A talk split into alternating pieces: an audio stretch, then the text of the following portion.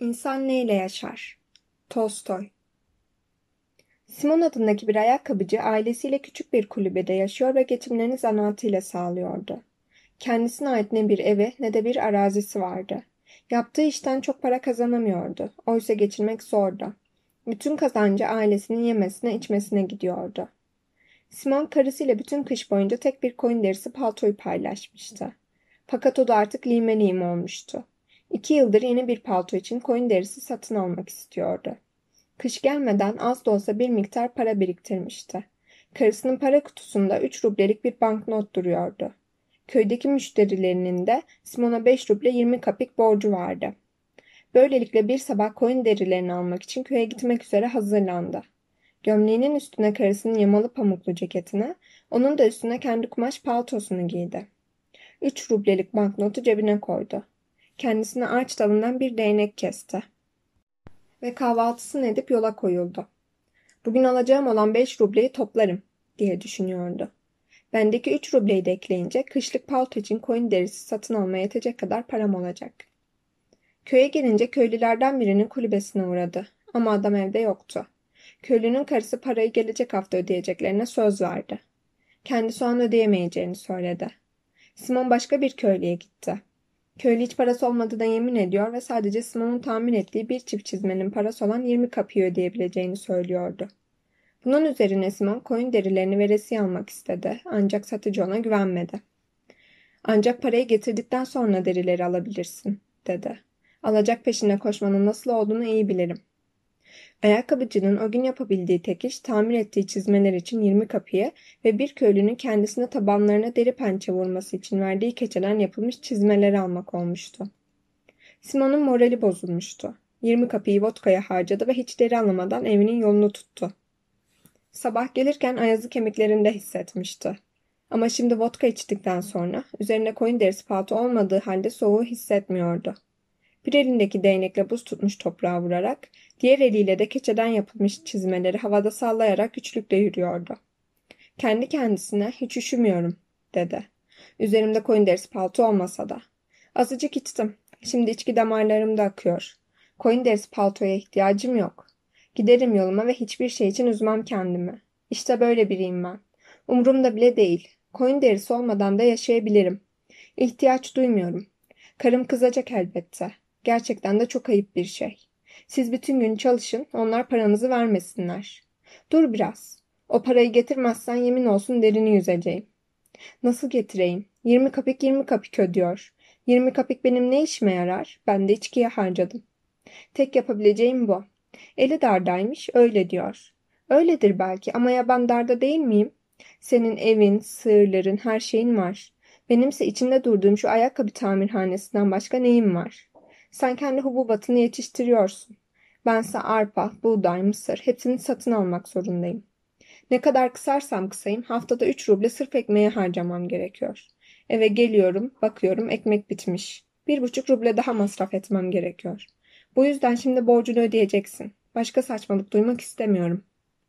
Bu arada neredeyse dönemeçteki türbeye varmıştı. Yukarı doğru bakınca türbenin arkasında beyazımsı bir şey gözüne çarptı. Hava gittikçe kararıyordu. Ayakkabıcı gördüğü şeye dikkatle baktıysa da ne olduğunu çıkaramadı. Daha önce burada hiç beyaz taş yoktu. Bir öküz olabilir mi? Öküze benzemiyor.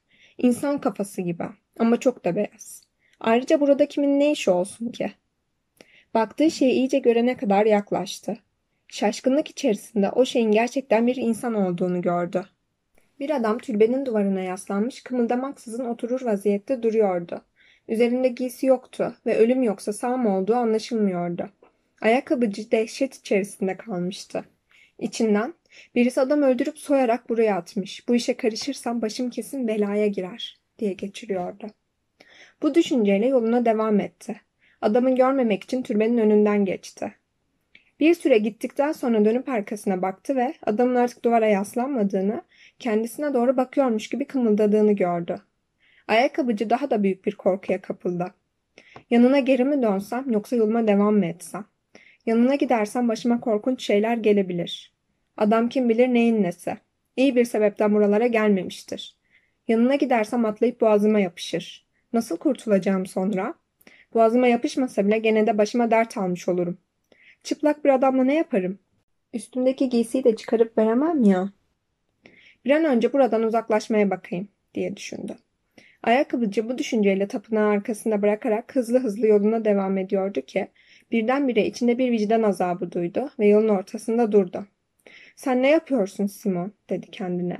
Adam orada perperişan halde sense korkudan sıvışıyorsun.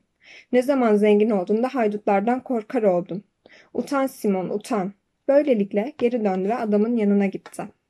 Simon adama yaklaştı ve yüzüne baktı. Genç bir adamdı. Vücudu sapasağlamdı.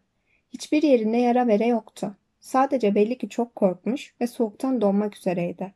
Orada arkasına yaslanmış oturuyordu. Başını kaldırıp Simon'a bakmadı. Baygın gibi gözüküyordu. Gözlerini açamıyordu. Simon genç adama iyice yaklaştı. Adam kendine gelir gibi oldu. Başını çevirip gözlerini açtı ve Simon'un yüzüne baktı. Bu tek bakış Simon'un adama kanının kaynamasına yetti. Keçe çizmeleri yere bıraktı, kemerini çözerek çizmelerin üzerine koydu ve kumaş ceketini çıkardı. Konuşarak vakit harcamayalım, dedi. Gel giy şu ceketi hemen. Simon adamı dirseklerinden tutarak kalkmasına yardım etti. Genç adam ayağa kalkınca Simon adamın temiz ve sağlıklı bir vücuda, biçimli el ve ayaklara, iyi ve nazik bir insanın yüzüne sahip olduğunu gördü. Ceketin adamın omuzlarına attı ama adam ceketin kollarını bir türlü bulamıyordu. Simon adamın kollarını geçirmesine yardım etti. Ceketi onun üzerine sıkıca oturttuktan sonra kemeri de beline dolayarak ceketin vücudu adam akıllı sarmasını sağladı. Simon kendi yırtık kasketini de çıkararak adamın başına taktı. Ancak kendi başı üşüyünce benim başımda neredeyse saç yok. Oysa onun uzun, kıvırcık saçları var diye düşündü ve kasketini tekrar kendi başına taktı. Ayağına giyecek bir şeyler versem daha iyi olacak diye düşünerek adama oturmasını söyledi. Keçe çizmeleri giymesine yardım ederek ona işte oldu arkadaşım. Şimdi hareket et ve ısın. Diğer sorunlar sonra hallolur. Yürüyebilecek misin? dedi. Adam ayağa kalkarak nazik bir şekilde Simon'a baktı ama hiçbir şey söyleyemedi. Neden konuşmuyorsun? dedi Simon. Burası çok soğuk, burada kalamayız. Eve gitmemiz lazım. Benim değneğimi al. Kendini güçsüz hissedersen değneğe yaslan. Haydi şimdi yürü bakalım. Genç adam yürümeye başladı. Yürümekte zorlanmıyor, geride kalmıyordu. Giderlerken Simon adama sordu. Neredensin? Bu taraflardan değilim. Ben de öyle düşünmüştüm. Bu civardaki insanları tanırım. Peki ya türbenin orada ne yapıyordun? Bunu söyleyemem. Bir sana bir kötülük mü yaptı? Kimse bir kötülük yapmadı. Beni Tanrı cezalandırdı. Elbette her şey Allah'tandır. Gene de yiyecek ve kalacak yer bulman lazım. Ne tarafa gitmek istiyorsun? Benim için her yer aynı. Simon şaşırmıştı. Adam üçkağıtçı birine benzemiyordu. Kibar kibar konuşuyor ama kendisiyle ilgili hiçbir şey anlatmıyordu. Simon içinden kim bilir başına neler geldi diye geçiriyordu. Yabancıya dönerek o halde evime gel benimle en azından bir parça ısınmış olursun dedi. Böylece Simon eve giderken yabancı da onunla birlikte geldi. Kuvvetli bir rüzgar esiyordu ve Simon gömleğinin altında üşüyordu. İçkinin etkisi geçmişti ve artık soğuğu hissediyordu. Burnunu çeke çeke yürüyor, karısını ceketine sarınıyordu. Haydi bakalım. Buldun mu şimdi koyun derisini? Koyun derisi diye gittim. Sırtımda palto bile olmadan eve dönüyorum. Üstelik çıplak bir adamla. Matryona bundan hiç hoşlanmayacak diye geçiriyordu kafasından. Karısını düşününce kendini üzgün hissetti. Ama yabancıya bakıp da onun kilisede kendisine bakışını gözünün önüne getirince kalbinde bir mutluluk belirdi. Simon'un karısı o gün bütün işleri erkenden bitirmişti. Odun kesmiş, su getirmiş, çocuklara yemeklerini yedirmiş, kendi de oturup yemeğini yemişti. Ve şimdi de oturmuş düşünüyordu. Acaba ekmeği şimdi mi yapsam yoksa yarın mı? diye soruyordu kendi kendisine. Büyük bir parça ekmek artmıştı. Eğer Simon kasabada yemek yediyse ve sofrada fazla yemek yemezse diye düşündü. Ekmek bir gün daha bekleyecek. Ekmek parçasını eliyle tekrar tekrar tarttı. Bugün ekmek yapmayayım. Evde sadece bir pişirimlik un kaldı. Bununla cumaya kadar idare edelim, diye düşündü. Böylece Matryona ekmeği kaldırarak masaya oturdu ve kocasının gömleğini yamamaya başladı. Bir yandan yama yaparken diğer yandan da kocasını kışlık palto için koyun derisi alırken hayal ediyordu. Satıcı bizimkini aldatmasa bari. Benim iyi yürekli kocam çok saftır. Kimseyi aldatmaz ama kendisi bir çocuğa bile kanabilir. Sekiz ruble çok para. O fiyata iyi bir palto alması lazım. Tabaklanmış deri olmasın ama şöyle doğru dürüst bir kışlık palto olsun. Geçen kış sırtımda sıcak tutan bir palto olmadığı için az mı sıkıntı çektim. Ne nehre inebiliyor ne de bir yere çıkabiliyordum. Kocam evden çıkarken bütün giysileri giyiyordu üstüne. Bana giyecek bir şey kalmıyordu. Bugün erken çıkmadı yola gerçi. Ama gene de bu vakitler dönebilir. İnşallah parayı çılgınca ona buna harcamamıştır. Matryona tam bunları aklından geçiriyordu ki eşikten ayak sesleri gelmeye başladı ve birileri içeri girdi. Matryona iğneyi gömleğe batırdı ve koridora çıktı. Karşısında iki adam duruyordu. İçlerinden biri Simon'du. Simon'un yanındaysa keçe çizmeler giyen şapkasız bir adam duruyordu. Matryona kocasının alkol koktuğunu hemen fark etti. Bak sen, içki içmiş diye düşündü. Kocasının üzerinde palto olmadığını, sadece bir ceket olduğunu, paket falan getirmediğini, orada öylece ayakta durduğunu ve utandığını görünce de kalbi hayal kırıklığından parçalanacak gibi oldu. Parayı içkiye yatırdı diye düşündü. Serserinin tekiyle yemiş paraları, tutmuş bir de herifi eve getirmiş. Matryona iki adamın içeri girmesine bir şey demedi. Kendi de onları izledi. Yabancının kocasının ceketini giyen, ufak ve ince yapılı, genç bir adam olduğunu gördü. Adamın üstünde bir gömlek göremedi. Bir şapkası da yoktu. İçeri girdikten sonra genç adam ne bir hareket etmiş ne de gözlerini kaldırıp kadına bakmıştı. Matryona, korktuğuna göre kötü biri olmalı, diye düşündü. Matryona kaşlarını çattı ve bu ikisinin ne yapacaklarını görmek için ocağın yanında beklemeye başladı. Simon şapkasını çıkararak her şey yolundaymışçasına kanepeye oturdu.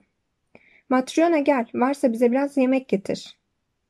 Matryona kendi kendisine bir şeyler mırıldandı ve hiç kımıldamaksızın ocağın yanında durduğu yerde beklemeye devam etti. Birbirine, bir diğerine bakarak hayır anlamında kafasını salladı. Simon karısının öfkeli olduğunu görüyorduysa da bunu görmezlikten geldi. Hiçbir şey fark etmemiş gibi adamı kolundan tutarak ''Otur arkadaşım'' dedi. ''Akşam yemeğinizi yiyelim.'' Yabancı kanepeye oturdu. ''Bize yemek yapmadın mı?'' diye sordu Simon karısına. Matryon'un öfkesi taştı. ''Yemek yaptım ama sizin için değil. Bana öyle geliyor ki içkiden senin aklın başında değil. Koyun derisi palto almaya gittin eve üstündeki ceketle dönüyorsun. Yanında da çıplak bir serseri getiriyorsun. Sizin gibi sarhoşlara verecek yemeğim yok. Yeter Matryona, sebepsiz yere çeneni yorma. Önce bir sor bakalım nasıl bir adam. Parayı ne yaptığını söyleyecek misin? Simon ceketinin cebinden 3 rublelik banknotu çıkardı ve katlanmış parayı açtı. İşte para. Trifonov borcunu ödemedi. En kısa zamanda ödeyecekmiş. Matryona daha da öfkelendi.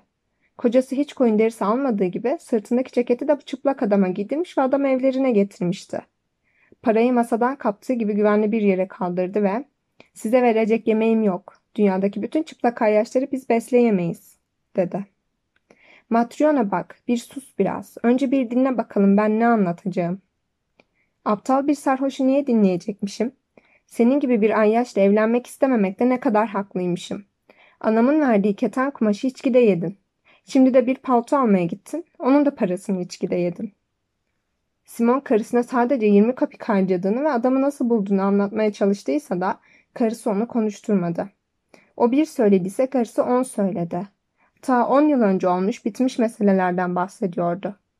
Matryona hiç durmaksızın konuştu ve en sonunda birdenbire kocasının üstüne saldırarak adamı kolundan yakaladı.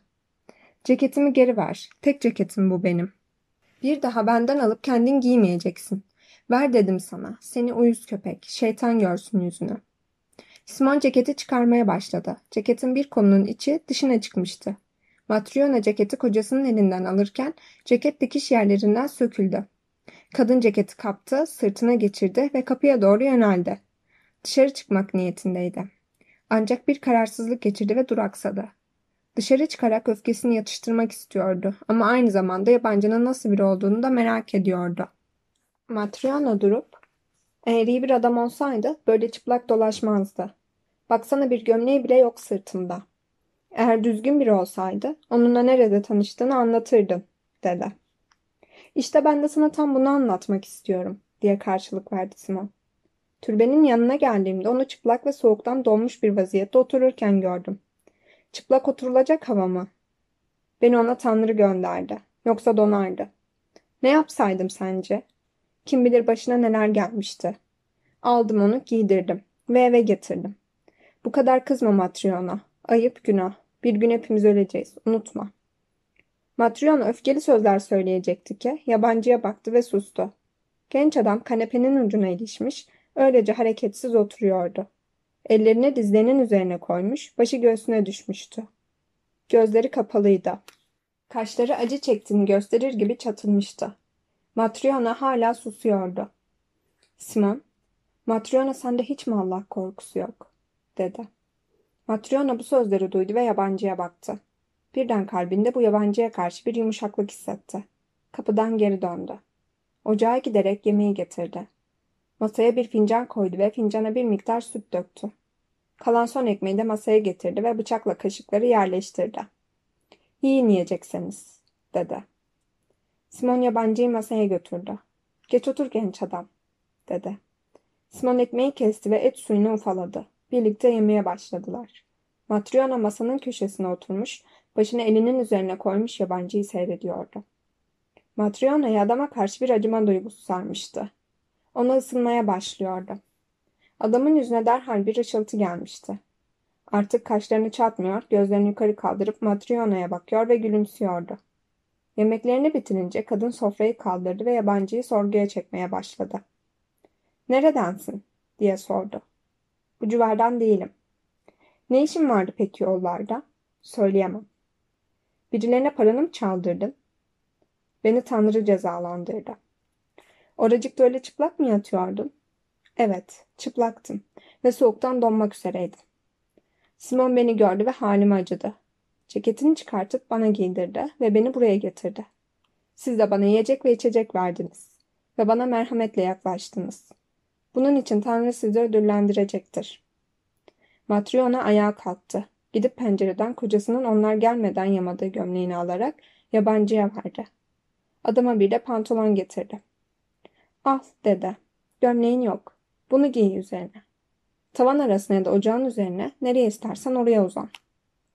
Yabancı ceketi çıkartıp gömleği giydi ve tavan arasında uzandı.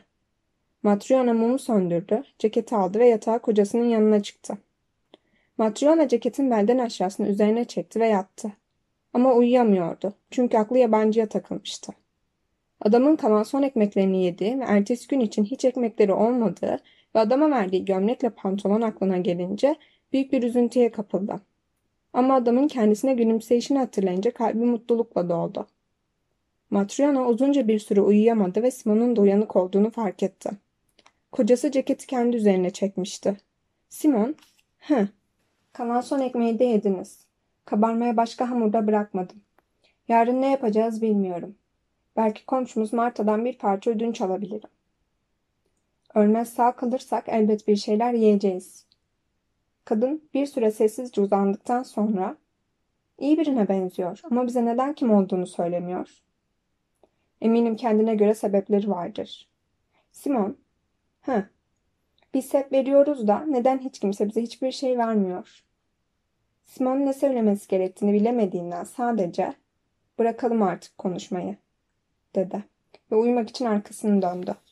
Ertesi sabah Simon uyandığında çocuklar hala uyuyorlardı. Karısı ekmek ödünç almak için komşuya kadar gitmişti. Yabancı adam yalnız başına kanepede oturuyordu. Üzerinde eski gömlekle pantolon vardı ve gözleriyle yukarı doğru bakıyordu. Yüzü dünkünden daha parlaktı. Simon adama, ''Bak arkadaşım'' dedi. İnsanın karnı yiyecek aş ister, çıplak bedeninde giyecek elbise. İnsan hayatta kalmak için çalışmak zorundadır. Senin elinden ne iş gelir? Hiçbir iş gelmez. Simon şaşırmıştı. İnsan her şeyi öğrenebilir, yeter ki istesin, dedi. İnsanlar çalışıyorlar madem, ben de çalışacağım. Adın ne senin? Mihail. Bak Mihail, kendi hakkında konuşmak istemiyorsan bu kendi bileceğin iş. Ama yaşamak için çalışmak zorundasın. Sana dediğim işi yaparsan sana yiyecek ve kalacak yer veririm. Tanrı sizden razı olsun. Öğrenirim. Ne yapacağımı gösterin bana. Simon iplik alarak baş parmağının etrafına dolamaya başladı. Gördün mü bak çok kolay. Mihail önce onu izledi, sonra o da baş parmağının etrafına iplik sardı ve aynı şekilde dolamaya başladı. Ustalığı kapmıştı. Sonra Simon ona ipliğe nasıl cila süreceğini gösterdi. Mihail bu işte de, de ustalaştı. Arkasından Simon ona sert ipliklerin nasıl büküleceğini ve nasıl dikiş dikileceğini öğretti. Mihail bunları da çabucak öğrendi. Mihail kendisine öğretilen her şeyi derhal kavruyordu. Üç gün sonunda hayatı boyunca çizme dikmiş gibi iyi dikiş yapıyordu. Durmak bilmeksizin çalışıyor ve çok az yemek yiyordu. İşi bitince sessizce oturup yukarıya doğru bakıyordu. Sokağa nadiren çıkıyor, gerekmedikçe kimseyle konuşmuyordu. Ne kimseyle şakalaşıyor ne de gülüyordu. Onun o akşam Matryona kendisine yemek verdiği zamanki gülümseyişinden başka bir daha gülümsediğini görmemişlerdi. Günler günleri, haftalar haftaları kovaladı ve bir yıl böyle geçti. Mihail Smonlar'da kaldı ve onlar için çalıştı. Ünlü günden güne yayılıyordu.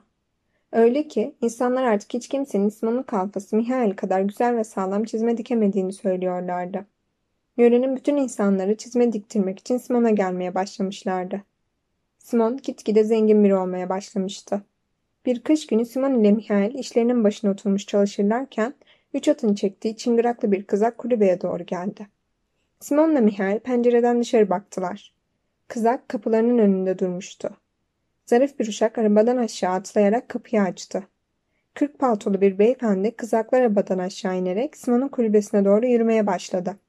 Matryona ayağı fırlayarak kapıyı sonuna kadar açtı. Beyefendi başını eğerek kulübeden içeri girdi. Tekrar doğrulduğunda başı neredeyse tavana değiyordu. Odanın durduğu kısmını neredeyse tamamen kaplamıştı. Simon doğruldu. Eğilerek selam verdi ve beyefendiyi şaşkınlıkla bakmaya başladı. Onun gibi birisini daha önce hiç görmemişti. Kendisi sıskaydı, Mihail zayıftı, Batrion ise bir deri bir kemikti. Bu adamsa daha çok başka dünyadan gelmiş birine benziyordu. Adam pancar suratlı, iri yarı cüsseliydi. Boynu bir boğanınki gibiydi ve demirden yapılmış gibi sağlam bir görünüşü vardı. Adam bir püf dedi. Paltosunu çıkardı ve kanepeye oturdu. Usta hanginiz? dedi. Simon öne çıkarak benim ekselansları dedi. Bunun üzerine adam genç delikanlıya seslendi. Hey Fetka deriyi getir buraya. Uşak elinde bir paketle koşarak içeri girdi. Adam paketi alarak masanın üzerine koydu. Aç dedi. Delikanlı paketi açtı. Adam eliyle deriyi göstererek bak buraya ayakkabıcı dedi. Bu deriyi görüyor musun? Evet sayın yargıç. Peki bunun ne tür bir deri olduğunu biliyor musun? Simon eliyle deriye dokunarak iyi kalite deri dedi. Tabii iyi kalite. Ne o seni aptal? Hayatında hiç böyle deri görmedin mi? Alman derisi. Fiyatı da 20 ruble. Simon korkarak nerede göreceğim ki böyle deriyi dedi. Ha şunu bileydin. Şimdi bana bundan bir çift çizme yapabilir misin? Evet ekselansları yapabilirim. Bunun üzerine adam Simon'a bağırmaya başladı. Yapabilirsin demek, öyle mi? Bak, bu çizmeleri kime yaptığını ve derinin hangi kalitede olduğunu aklından çıkarayım deme. Bana dikeceğin çizmeler bir yıl gitmeli. Ne şekli bozulmalı ne de dikişleri sökülmeli.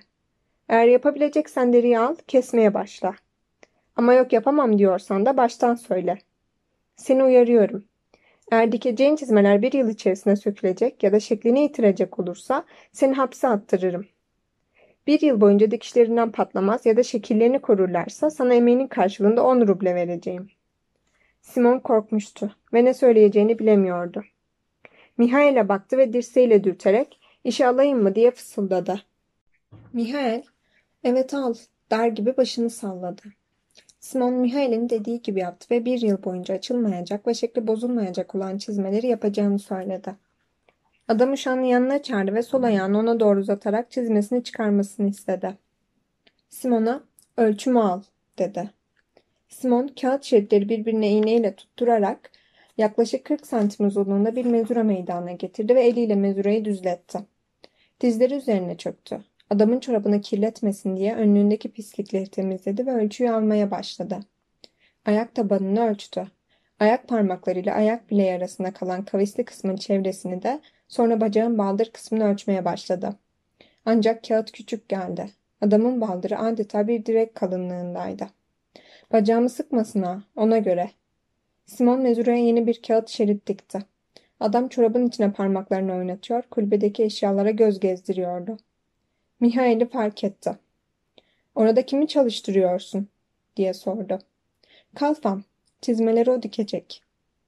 Bak çizmeler bir yıl gidecek ha, ona göre, dedi adam Mihail'e. Simon da Mihail'e bakıyor ve Mihail'in adama bakmadığını gördü. Mihail sanki birisini görmüşçesine adamın arkasındaki köşeye bakıyordu. Mihail uzun uzun baktı ve birden gülümsedi. Yüzü apaydınlık oldu. Niye sırıtıyorsun aptal? diye gürledi iri yarı adam. Çizmeleri zamanında bitirsen iyi edersin. Tam vaktinde hazır olacaklar, dedi Mihail. Öyle olmasına çalış, dedi adam ve çizmeleriyle paltosunu giyerek ve paltosunu bedenine iyice sararak kapıya yöneldi.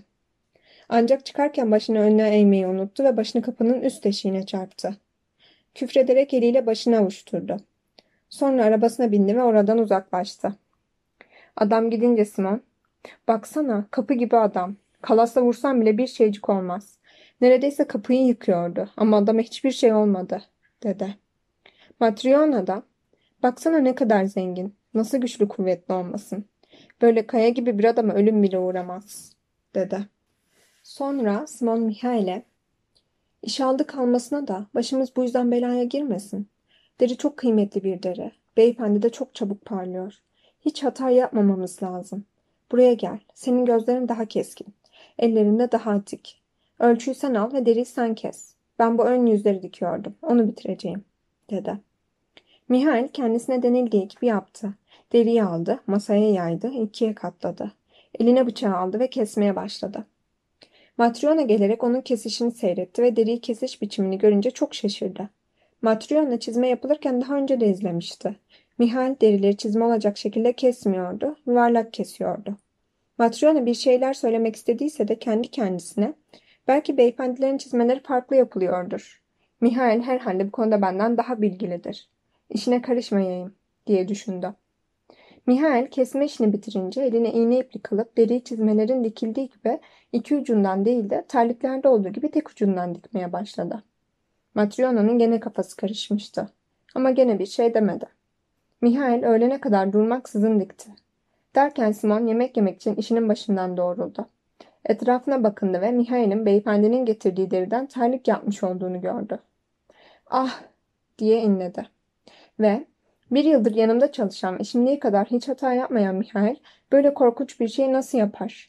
Beyefendi bizden vardelalı, burunları kapalı, uzun çizme istemişti. Mihail ise tek tabanlı bir çift terlik yapmış ve deriyi ziyan etmiş. Şimdi ben beyefendiye ne diyeceğim? Bu kalitede bir derinin yerine yenisini almaya gücüm asla yetmez, diye düşündü. Mihail'e, dostum sen ne yaptın böyle? Beni mahvettin. Beyefendi uzun çizme istemişti, sen de biliyorsun. Ne yaptığını görüyor musun bak, diye çıkıştı. Mihail azarlamaya başlamıştı ki, kapıya asılı demir tokmağın tak tak sesleri duyuldu. Biri kapıyı çalıyordu. Pencereden baktılar. Bir adam gelmişti ve atını bağlıyordu. Kapıyı açtılar ve daha önce efendisiyle birlikte gelmiş olan uşak içeri girdi. İyi günler, dedi. İyi günler, diye karşılık verdi Simon. Senin için ne yapabiliriz? Hanımefendi beni çizmeleri için yolladı. Ne olmuş çizmelere? Şey, efendimin artık onlara ihtiyacı yok. Efendim öldü de. Nasıl olur? Sizden ayrıldıktan sonra eve gidecek kadar yaşamadı. Arabada öldü.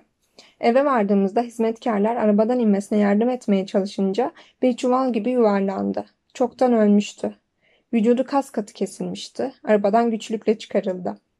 Hanımefendim bana, ayakkabıcıya söyle kendisine çizme siparişi veren ve deri bırakan beyefendinin artık çizmelere ihtiyacı yok. Çabucak cenaze için terlik yapsın. Terlikleri yapana kadar bekle. Sonra al getir gelirken, dedi. Ve size gönderdi. Bu yüzden geldim. Mihail deriden arta kalanları toparlayıp sardı. Yaptığı terlikleri eline aldı, iki terliği birbirine vurdu, önlüğüyle sildi ve terliklerle artık derileri uçağa uzatarak güle güle size iyi günler dedi. Yıllar birbiri ardınca geçiyordu. Mihail'in Simonlarda kalışının altıncı yılıydı. Mihail'in hayatında değişen bir şey yoktu. Hiçbir yere gitmiyor, gerekmedikçe konuşmuyordu. Bütün o geçen yıllar boyunca sadece iki defa gülümsemişti. İlkinde Matryona kendisine yemek verdiğinde, ikincisinde ise çizme yaptırmak isteyen beyefendi kulübelerine geldiğinde. Simon kalfasından son derece memnundu. Onun artık nereden geldiğini hiç sormuyordu. Tek korkusu Mihail'in onları bırakıp gitmesiydi. Bir gün hepsi evdeydi. Matryona ocağa tencere koyuyordu. Çocuklar kanepelerde koşuşturuyor, pencereden dışarı bakıyorlardı.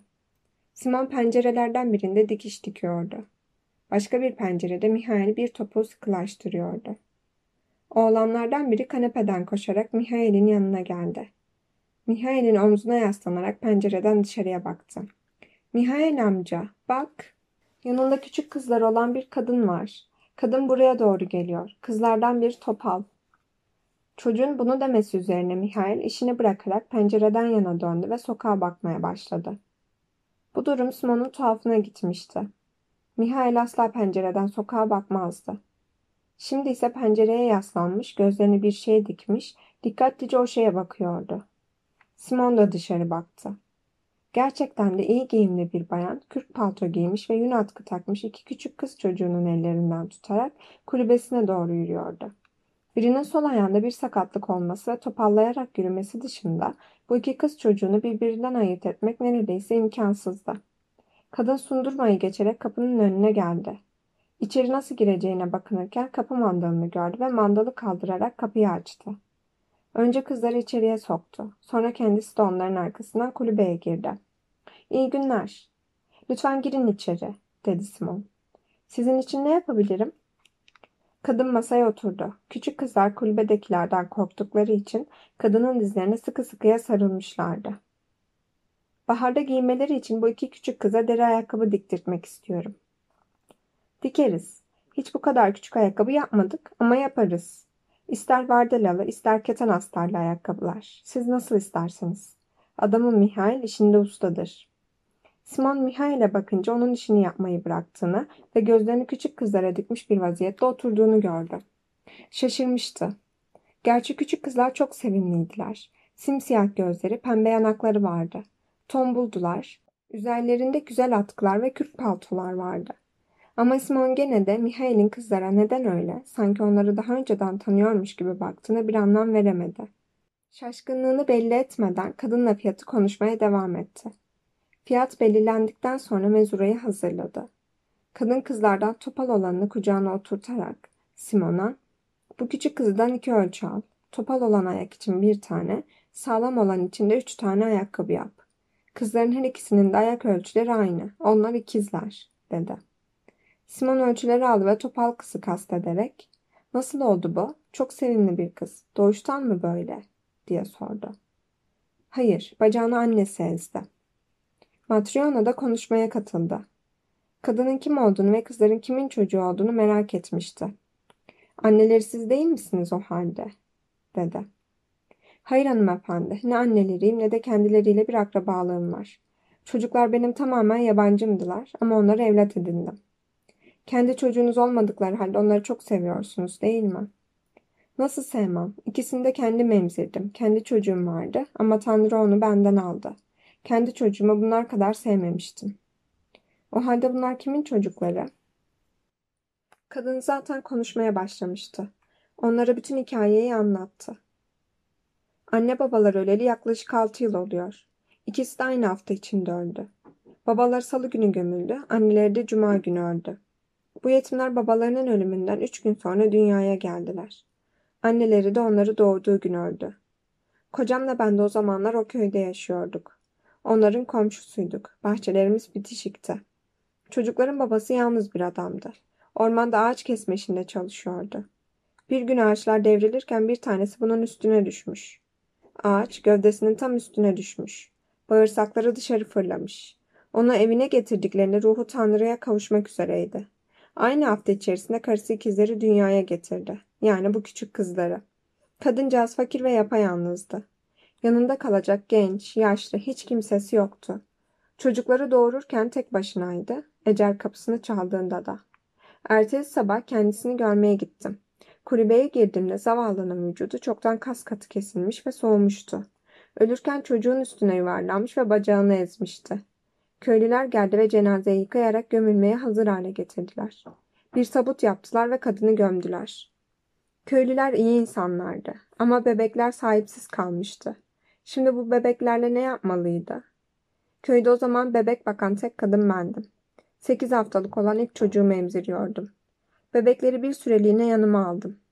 Köylüler bir araya geldiler ve bebeklere ne olacağını düşündüler. En sonunda bana, Mary sen şimdilik kızlara bak, biz sonra ne olacağına karar vereceğiz, dediler. Böylelikle sağlam olanı göğsümde emzirmeye başladım. Ama ilk başta bu sakat olanı emzirmiyordum. Yaşayacağını zannetmiyordum. Sonra kendi kendime, zavallı masum yavrucak neden acı çeksin ki, dedim. Ona acıdım ve onu da emzirmeye başladım. Üçünü de emziriyordum. Kendi oğlumu ve bu iki kıza. Genç ve güçlüydüm. iyi besleniyordum.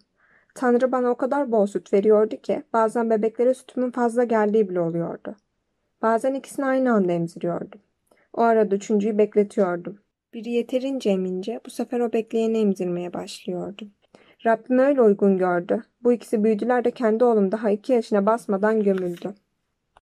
Biz daha da zenginleştiğimiz halde başka çocuğum olmadı. Şimdi kocam değirmendeki hububat tüccarı için çalışıyor.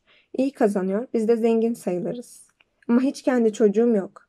Bu küçük kızlar da olmasa kendimi ne kadar yalnız hissederdim kim bilir.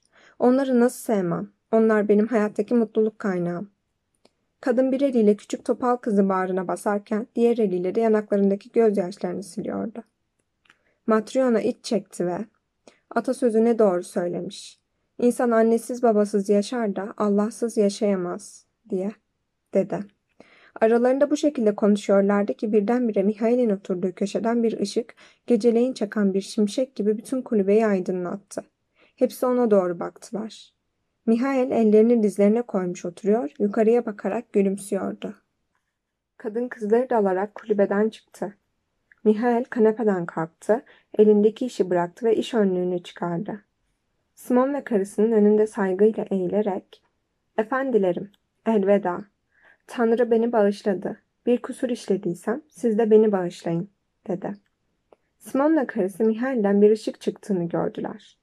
Simon ayağa kalktı ve Mihail'in önünde eğilerek ''Görüyorum ki sen sıradan bir insan değilsin. Seni alıkoyacak ya da sorguya çekecek değilim. Bana tek şu kadarını söyle. Nasıl oluyor da seni bulup eve getirdiğimde yüzünden düşen bin parçayken karım sana yemek verince ona gülümsedin ve yüzün aydınlandı. Sonra o beyefendi çizme yaptırmak için geldiğinde yine gülümsedin ve yüzün apaydınlık oldu. Şimdi de bu kadın kızlarıyla buraya gelince üçüncü kez gülümsedin ve yüzün gün gibi aydınlık oldu. Söyle bana, yüzün neden öyle parlıyor ve üç kez neden öyle gülümsedin? Mihail cevap verdi. Işık saçıyorum çünkü Tanrı beni cezalandırmıştı ve artık affetti. Üç kez gülümsedim çünkü Tanrı beni üç hakikati öğrenmem için yollamıştı. Ve ben bu hakikatleri öğrendim.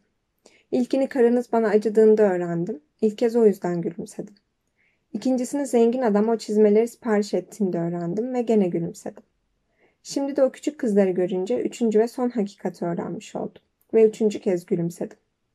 Simon, anlat bana, Tanrı seni ne için cezalandırdı? Ve o üç hakikat neydi? Belki ben de biliyorumdur, dedi. Mihail cevap verdi. Tanrı beni ona karşı geldiğim için cezalandırdı. Ben cennetteki bir melektim ve Rabbime itaatsizlik ettim. Tanrı benden gidip bir kadının canını almamı istedi. Kanatlarımla yeryüzüne indim. Yalnız başına yatan hasta bir kadın gördüm. Kadın daha yeni ikiz kız çocuğu doğurmuştu. Bebekler annelerinin yanında çelimsizce yatıyorlardı.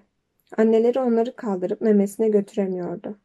Kadın beni görünce Tanrı'nın beni ona canını almam için yolladığını anladı. Ağlayarak bana, ''Ey Tanrı'nın meleği, kocamı daha yeni gömdük. Düşen bir ağacın altında kaldı.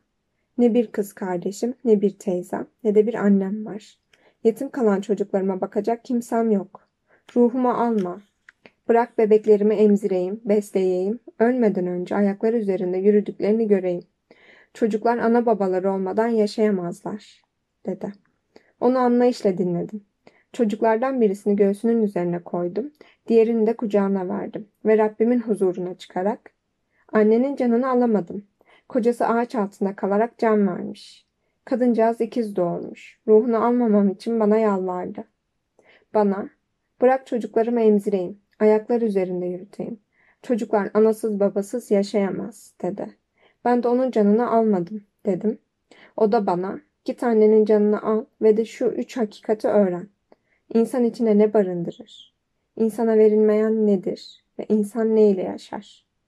Bu hakikatleri öğrendiğinde cennete geri döneceksin, dedi. Böylelikle ben de tekrar kanatlarımla yeryüzüne indim ve annenin canını aldım. Bebekler kadının göğsünden düştü. Kadının bedeni yatakta yuvarlandı ve bebeklerden birini ezerek bacağını büktü. Ruhunu Tanrı'ya götürmek üzere köyün üzerinde havalanmıştım ki bir rüzgara yakalandım. Kanatlarım aşağı sarktı ve koparak yere düştü. Kadının ruhu kendi başına semaya yükseldi. Ben de yere, yolun kenarına düştüm. Simon ile Matryona bunca zaman kendileriyle yaşayan, yedirip giydirdikleri kişinin artık kim olduğunu öğrenmişlerdi. Huşu ve mutluluk içerisinde ağlamaya başladılar. Melek onlara, bir tarlanın ortasında yapayalnız ve çıplak bir vaziyetteydim.